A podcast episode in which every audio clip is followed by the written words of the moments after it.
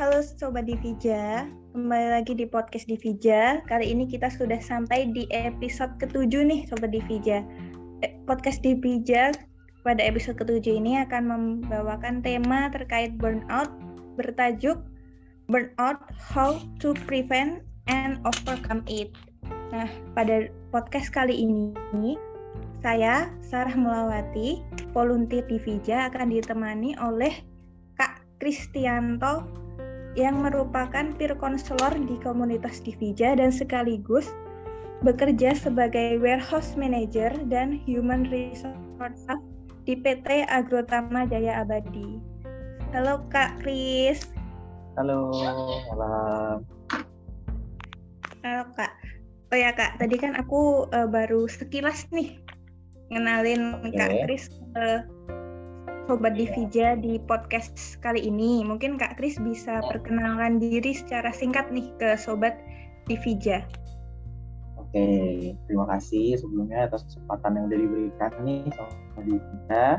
Uh, sebelum perkenalkan, saya Kristianto, saya merupakan uh, satu dari peer counselor jadi di Divija juga, yang merupakan lulusan dari Fakultas Psikologi di Universitas Unggul Uh, kebetulan saya uh, bekerja kemarin dari berkuliah. Uh, saya juga apa ya sekarang sedang aktif di pelayanan lembaga psikologi. Saya juga bersama teman-teman alumni, bersama para senior lagi uh, membangun juga salah satu platform untuk uh, pelayanan uh, lembaga konseling juga. Itu aja sih mungkin kesibukan dan juga uh, mengenai saya.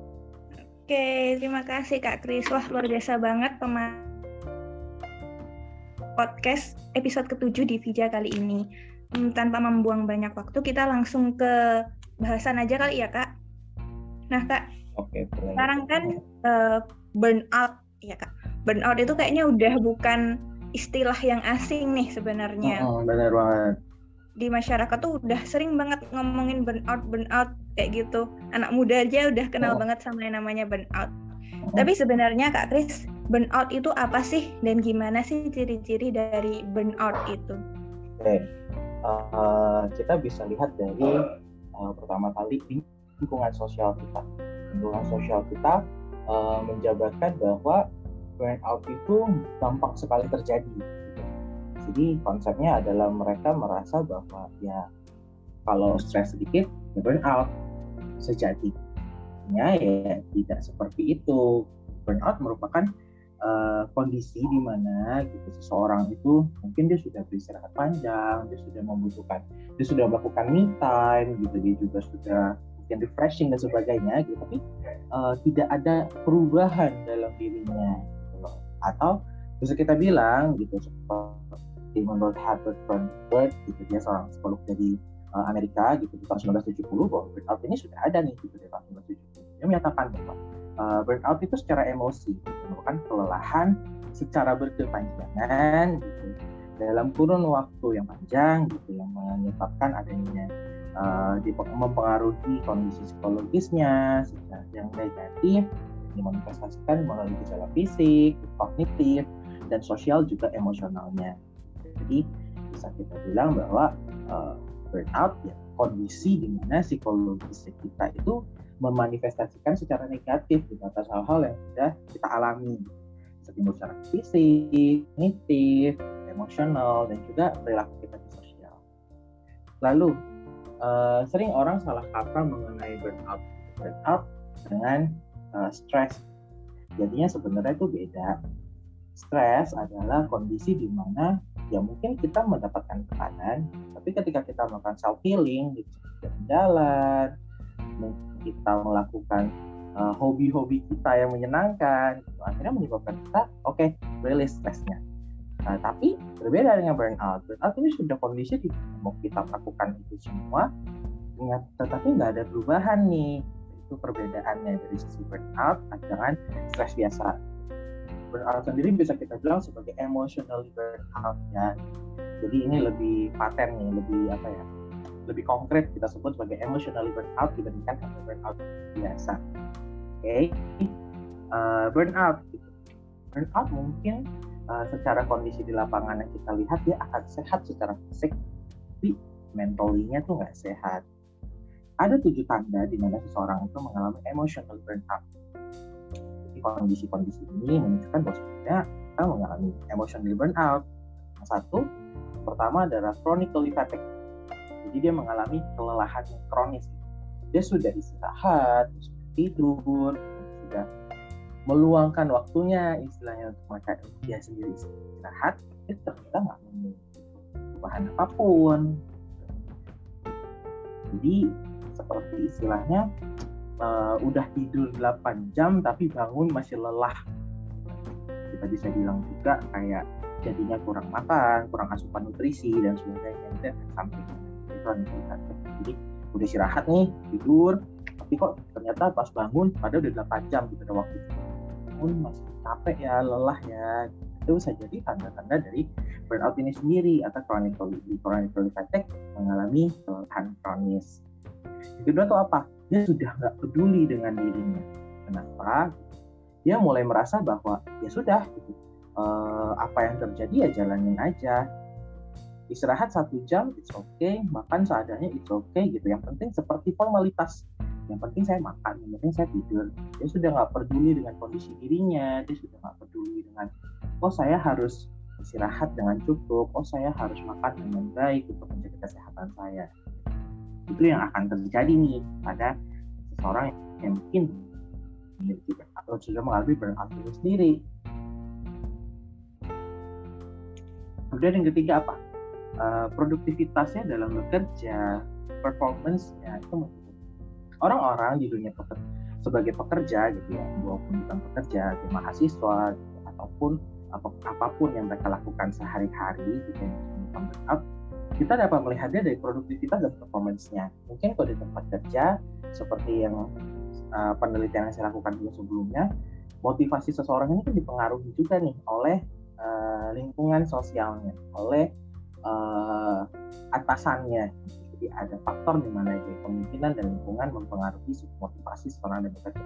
Hal ini menunjukkan apa? Menunjukkan bahwa oh berarti apabila dia lingkungannya nggak kondusif bagi dia, dia akan memanifestasikan semua itu menjadi stresnya, tertekan, akhirnya lama-lama menjadi burnout, sehingga menimbulkan produktivitasnya turun, performance menurun, kita bisa bilang seperti kayak mau berangkat pagi aja males. Mau ngerjain paling lanjutnya apa? Emosinya tidak stabil nampak marah orang-orang yang mengalami burnout biasanya akan uh, emotionally breakdown jadi misalnya uh, emotionally emosionalnya ini tidak bisa terpuk tidak bisa di apa ya tidak bisa dikontrol oleh uh, oleh individunya. Nah wah saya baru ngerjain sesuatu sebentar nih tapi udah langsung oh emosi ya wah saya mau marah saya sedih. Jadi uh, cepat. Ini berbeda dengan orang-orang yang mungkin mengalami uh, apa ya kita bisa bilang mungkin dia ganda gitu ya seperti yang orang bilang wah atau mood swing. Beda karena orang yang mood swing gitu mereka ya dalam trigger-trigger tertentu mereka akan mengalami mood swing. Kan orang yang burn out emosional yang tidak terkontrol ini atau yang tidak stabil ini lebih ke yang ketika dia melakukan sesuatu dia bisa mendapatkan tekanan dia akan memunculkan emosi yang menurut dia perlu dikeluarkan atas dasar sudah terpendam.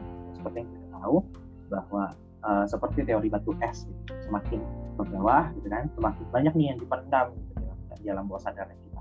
Secara langsung ya kita merepress menahan menekan gitu kan itu sudah menjadi awal mula nih dari orang merepress menekan semua perasaan yang dia dapat gitu. Merasa bahwa it's okay it's fine for me to have to get it all gitu, mendapatkan itu semua. Ya sudah nikmati jalannya. Dalam dirinya tuh tidak bisa melakukan tidak bisa menerima itu secara terus menerus akhirnya apa? Akhirnya penuh lalang secara tidak sadar. Lalu dia akhirnya meluaplah emosinya muncullah mulailah mungkin terjadinya burnout juga ke depannya selanjutnya apa? Selalu merasa dalam kegagalan secara terus menerus walaupun ya dia sudah dalam posisi mendapat atau dia sudah berhasil di dalam satu hal. Banyak orang-orang yang mungkin ketika dia merasa uh, dia sudah di posisi oh saya naik jabatan tapi dia selalu merasa gagal. Mungkin bisa dibilang ada faktor lingkungan ada faktor di mana mungkin teman-temannya sudah lebih dari itu kita kita bisa bilang ada hal-hal seperti itu yang menekan dia. Tapi akhirnya menimbulkan oke okay, saya memang naik jabatan tapi saya merasa selalu gagal. Itu salah satu ciri-ciri orang yang burn even walaupun dia berhasil dalam satu hal dia tetap selalu merasa I'm lose I'm losing everything. Karena orang yang burn kemudian yang keenam yang keenam itu apa menarik diri dari lingkungan sosialnya atau social white block. Mereka orang-orang yang mengalami burnout secara tidak langsung akan menarik dirinya dari lingkungan sosial. Kenapa nih mereka menarik di lingkungan sosial? Karena mereka merasa bahwa oh lingkungan sosial saya tidak mensupport saya. Oh ternyata uh, kalau misalkan saya di lingkungan sosial pun saya malah merasa jauh lebih tertekan. Makanya akan muncul nih penarikan ini lalu yang ketujuh apa? Hopeless tidak punya harapan. Orang-orang yang dalam kondisi burnout biasanya akan mengalami hopeless atau dia merasa bahwa ya apa pun ya seperti yang dia bilang apa pun yang dia lakukan dia merasa dia terlalu gagal. Akhirnya dia putus asa dia tidak punya harapan bahwa oh ke depannya saya pasti berhasil. Nah ini sudah menjadi ciri-ciri orang burnout. Tujuh ciri-ciri dari orang-orang burnout. Gitu. seperti itu sih ditambah kalian bahwa oh burnout tuh gimana sih gitu dan juga apa saja tanda-tandanya gitu Oke, selanjutnya uh, terkait burnout nih apa saja sih kak yang uh, memungkinkan timbulnya burnout dan apa sih dampak burnout itu bagi uh, kehidupan seseorang?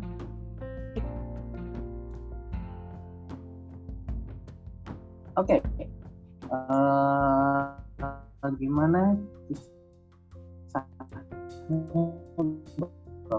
burnout? Halo. Halo. Ya, berarti suaranya putus. Ya, tentang faktor-faktor ya. Maaf, suaranya agak Iya. Putus tadi.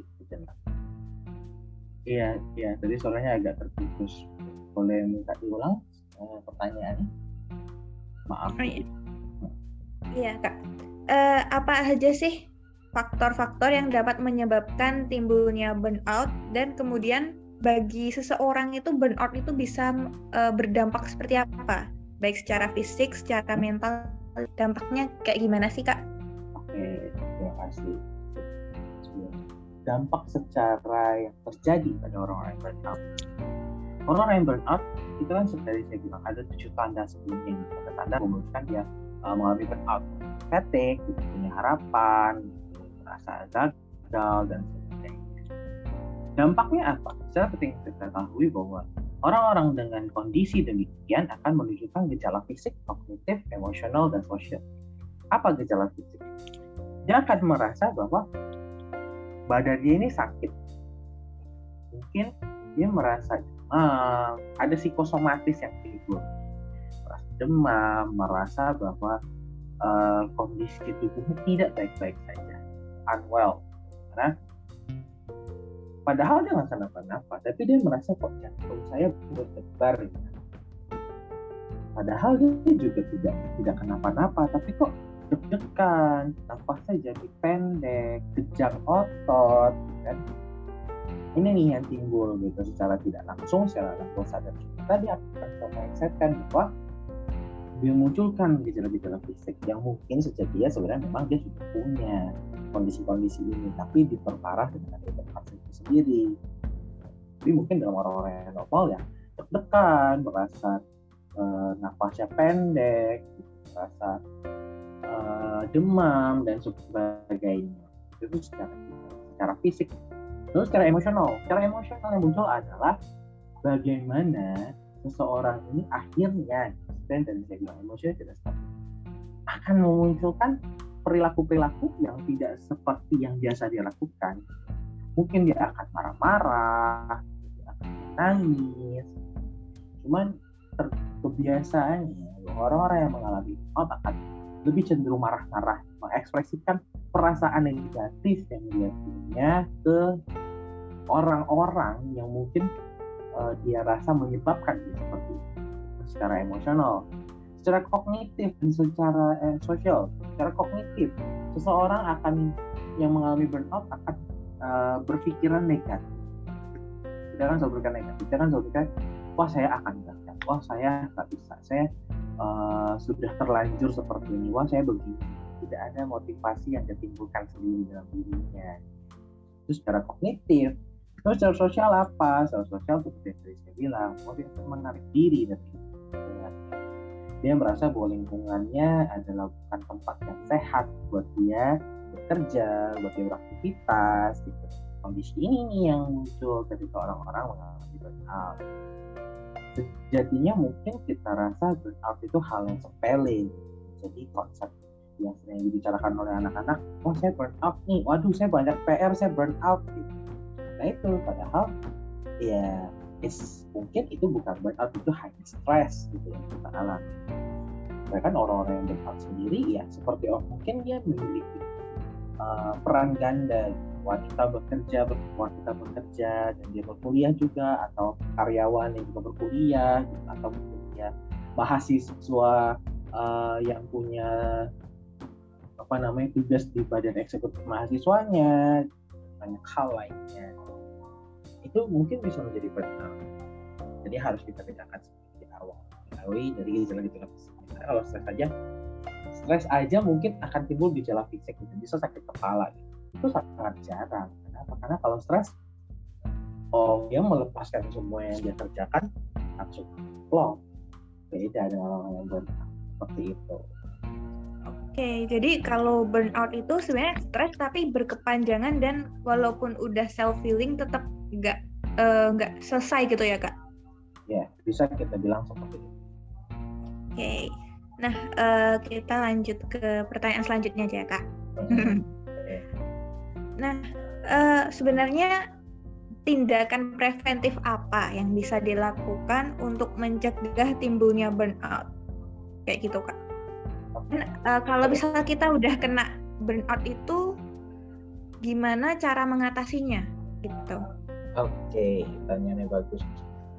Tindakan preventif, kita bisa bilang tindakan preventif dan bagaimana cara untuk kita menanggulangi apa yang kita apa yang terjadi gitu kita burnout. Ini bisa mirip-mirip ya. Pertama, ada beberapa hal yang perlu kita Pertama adalah body scanning kita memeriksa kondisi fisik kita dulu. Kenapa? Seperti yang kita bilang bahwa kita kan orang-orang yang mungkin yang mengalami burnout akan dia merasa kita tekan, dia merasa nafasnya pendek, mungkin dia merasa kepalanya sakit, mungkin dia merasa hal-hal yang terjadi. Kenapa kita harus body scanning? Biarkan tubuh kita itu relax. Kita diam sejenak, kita di bagian mana sih yang sakit Kenapa? Kalau orang-orang yang burn out ketika dia diam, yang sakit ini tuh nggak ada. Itu hanya totally mindset. Tapi kalau memang dia punya sakit seperti itu, ketika dia diam, dia akan merasa, dia akan merasakan sakitnya itu di mana. Itu bedanya. Maka kita perlu melakukan body scanning. Jadi sebenarnya kita beneran sakit atau sebenarnya kita tuh burn out. Seperti yang kita tahu bahwa orang-orang dengan kondisi-kondisi tertentu akan muncul di dalam kondisi kesehatan ganggu pertama perlu ada body, body scanning. Lalu orang-orang yang mengalami orang-orang yang melakukan body scanning ini sejatinya adalah saat kita sudah nggak peduli lagi dengan badan kita juga. Karena kebanyakan orang-orang yang melakukan body scanning adalah terjadi merasa sakit kita harus lihat dia seperti apa. Nah, ternyata sebenarnya saya bilang tidur cuma satu jam. Makan yang penting asal kenyang. Jadi kayak tidak memperhatikan uh, kebutuhan gizinya, kesehatannya, gitu, waktu istirahatnya, yang hanya pikirkan ya udah sih udah tidur formalitas itu pernah terjadi. Kalau kita perlu buat scanning nih, gitu. ketika dia sudah mau bilang, aduh kok saya deg terus ya, aduh kok saya merasa sakit di bagian kepala ini ya. Oke, kita rasakan sakitnya di mana kita rewind kamu sebelumnya ini ngapain aja gitu. selanjutnya apa kita bisa scanning emosi scanning emosi adalah mengenali dan uh, mendalami apa yang sebenarnya kita rasakan. Dan kemudian kita telusuri penyebab kenapa? Kita perlu mengetahui sebenarnya apa yang menyebabkan kita uh, dalam kondisi tersebut. Emosi yang muncul pasti terbentuk dan terkondisi atas atas banyak hal, kan? Lingkungan, kan lalu uh, teman, keluarga, gitu, pekerjaan, semua hal. Jadi perlu untuk kita cari tahu sumber ketakutan, kelelahan yang kita alami. Kita cari tahu apa yang membuat kita merasa lelah, lalu kita rehat sejenak, kita lakukan self healing kita kita pergi jalan-jalan refreshing dan sebagainya kemudian istirahat yang cukup penting untuk kita walaupun tidak dapat mengobati rasa kepedulian. Ketika kita melakukan istirahat yang cukup uh, kita akan memunculkan energi baru dari diri kita. Walaupun mungkin tidak dalam jangka panjang tapi dan juga tidak pasti menyembuhkan setidaknya ada yang kita beristirahat cukup kita rileks gitu otak kita istirahat tubuh kita semuanya cooling down bangun ketika kita bangun di pagi hari kita akan mendapatkan memunculkan energi baru dari diri kita. Gitu. Jadi kalau bisa saya bilang perlu dan penting untuk kita memiliki ruang untuk diri kita sendiri. Karena kebanyakan dari individu terlalu sibuk dengan apa yang dia lakukan sehingga dia sendiri tidak memiliki ruang dan waktu untuk diri dia sendiri. Sibuk mengejar karir, tapi dia tidak peduli, mulai tidak peduli dengan sendiri. Kemudian apa nih? Kemudian adalah temui dan kenali kembali value yang menjadi alasan kalau seseorang uh, dalam melakukan suatu hal kerja, berkuliah gitu. Temukan kembali gitu. value apa karena ketika kita uh, mengingat value-nya kita melakukan sesuatu, kita menemukan rekan-rekan, membuka diri kita kepada sosial, gitu. menemukan orang-orang dengan value yang sama, akan menaikkan mood dengan uh, baik, gitu, jadi social interaction. Karena uh, ketika kita sudah menemukan orang-orang dengan value yang sama, kalau mungkin orang zaman sekarang bilangnya satu server yang sama satu server yang sama itu, itu satu value yang sama. Kita menemukan orang-orang dengan cara berpikir yang sama tujuan yang sama gitu. Value yang sama pasti akan menaikkan kemudian apa? Kemudian kita juga bisa membuat manajemen waktu dengan baik. Umumnya orang-orang yang memiliki burnout ini aja tidak memiliki manajemen waktu yang baik. Kenapa? Karena mereka yang mengalami burnout biasanya uh, dia sendiri tidak punya waktu untuk dia sibuk bekerja, sibuk berkuliah, sibuk berorganisasi, gitu, sibuk di rumah, mungkin untuk ibu-ibu dan sebagainya. Menimbulkan apa? Dia akan mengalami burnout itu. Jadi pastikan luangkan waktu untuk istirahat. Itu penting sekali.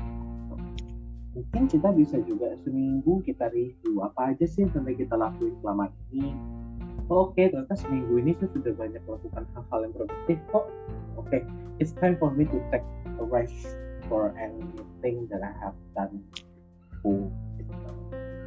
Kemudian adalah ekspresikan perasaan kamu. kamu itu nggak sendiri. Kamu punya orang-orang sekitar kamu yang sebenarnya peduli dengan kamu dan cuma kamu aja yang butuh diri.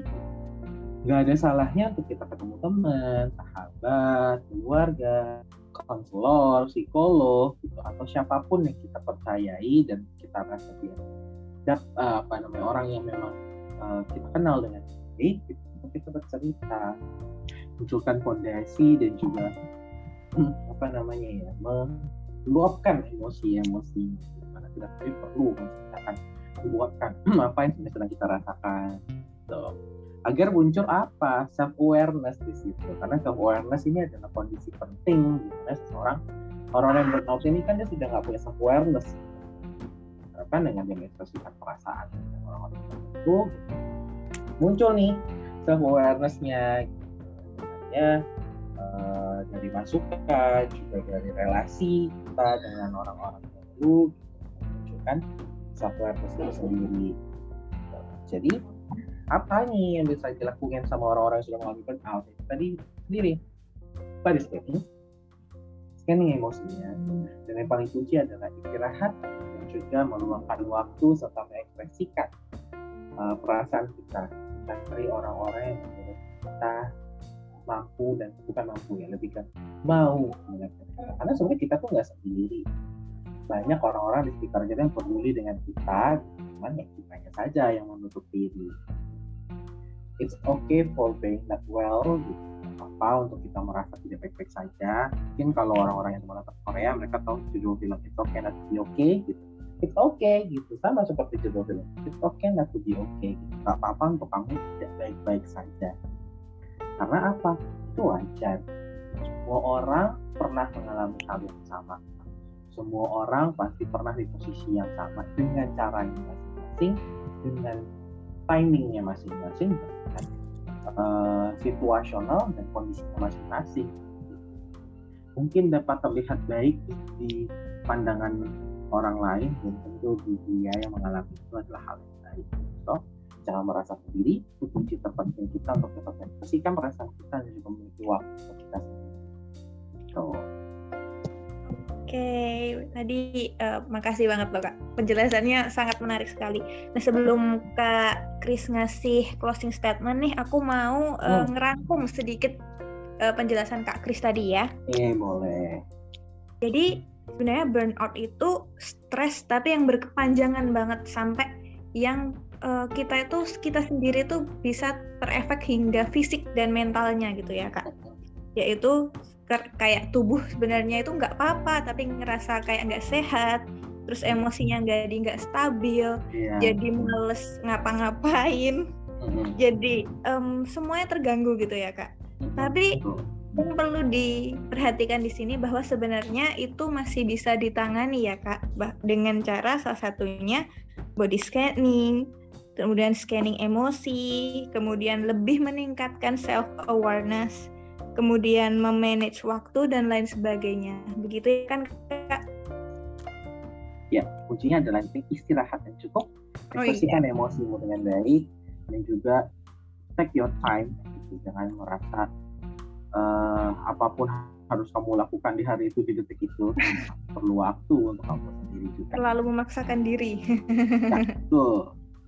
Oke, okay, mungkin Kak Kris bisa kasih closing statement buat Sobat Divija mungkin Oke, okay. kalau buat sobat Divija, sobat Divija, nggak apa, seperti yang tadi saya bilang, it's okay not to be okay. Nggak apa-apa untuk merasa tidak baik-baik saja. Jangan malu untuk kita bercerita kepada orang lain. Dan jangan merasa gengsi untuk kamu uh, memiliki uh, membentuk atau menerapkan waktu untuk kamu sendiri. Gitu. Gak apa-apa kok, kamu nggak harus juga kamu berlari uh, secara terus menerus dalam mengerjakan suatu hal kamu juga perlu istirahat seperti halnya kuda pacu dia berlari sekencang-kencangnya pun dia akan terasa lelah. Jadi nggak apa-apa untuk kamu merasa tidak baik-baik saja. Nggak apa-apa mungkin apa namanya merasa semua tidak berpihak pada kita. Yang kuncinya terpenting adalah ketika kamu sudah dalam posisi itu it's okay not to be okay. Take your time. Do your self healing dan jangan takut untuk menceritakan apa yang kamu rasakan kepada orang yang kamu percaya Oke, makasih Kak Kris. Sudah makasih juga udah mau sharing-sharing nih sama Sobat Divija di podcast uh, Divija ya, episode sama -sama. ini. Oh iya, buat Sobat Divija, buat yang masih mau um, mungkin cerita-cerita sama Kak Kris terkait burnout atau masalah lainnya, mungkin bisa hubungin Kak Kris ya Kak. Iya. Atau mungkin Sobat Divija bisa ikut online counseling milik Divija, nanti ketemu Kak Kris karena Kak Kris merupakan peer counselor di Divija. Iya. Nah, Sobat Divija, um, mungkin sekian untuk e, podcast episode ketujuh kali ini yang membawakan tema burnout. Sekali lagi terima kasih Kak Kris sudah berbagi. Semoga ya, kita sama -sama. bisa ketemu lagi di topik-topik lainnya nih karena Ya, ini amin. asik banget diajak ngobrol hehe. Ya, terima gitu. kasih. Eh, makasih Sobat Divija. Sampai ketemu di podcast Divija selanjutnya. Ya. Oke, sampai jumpa. thank you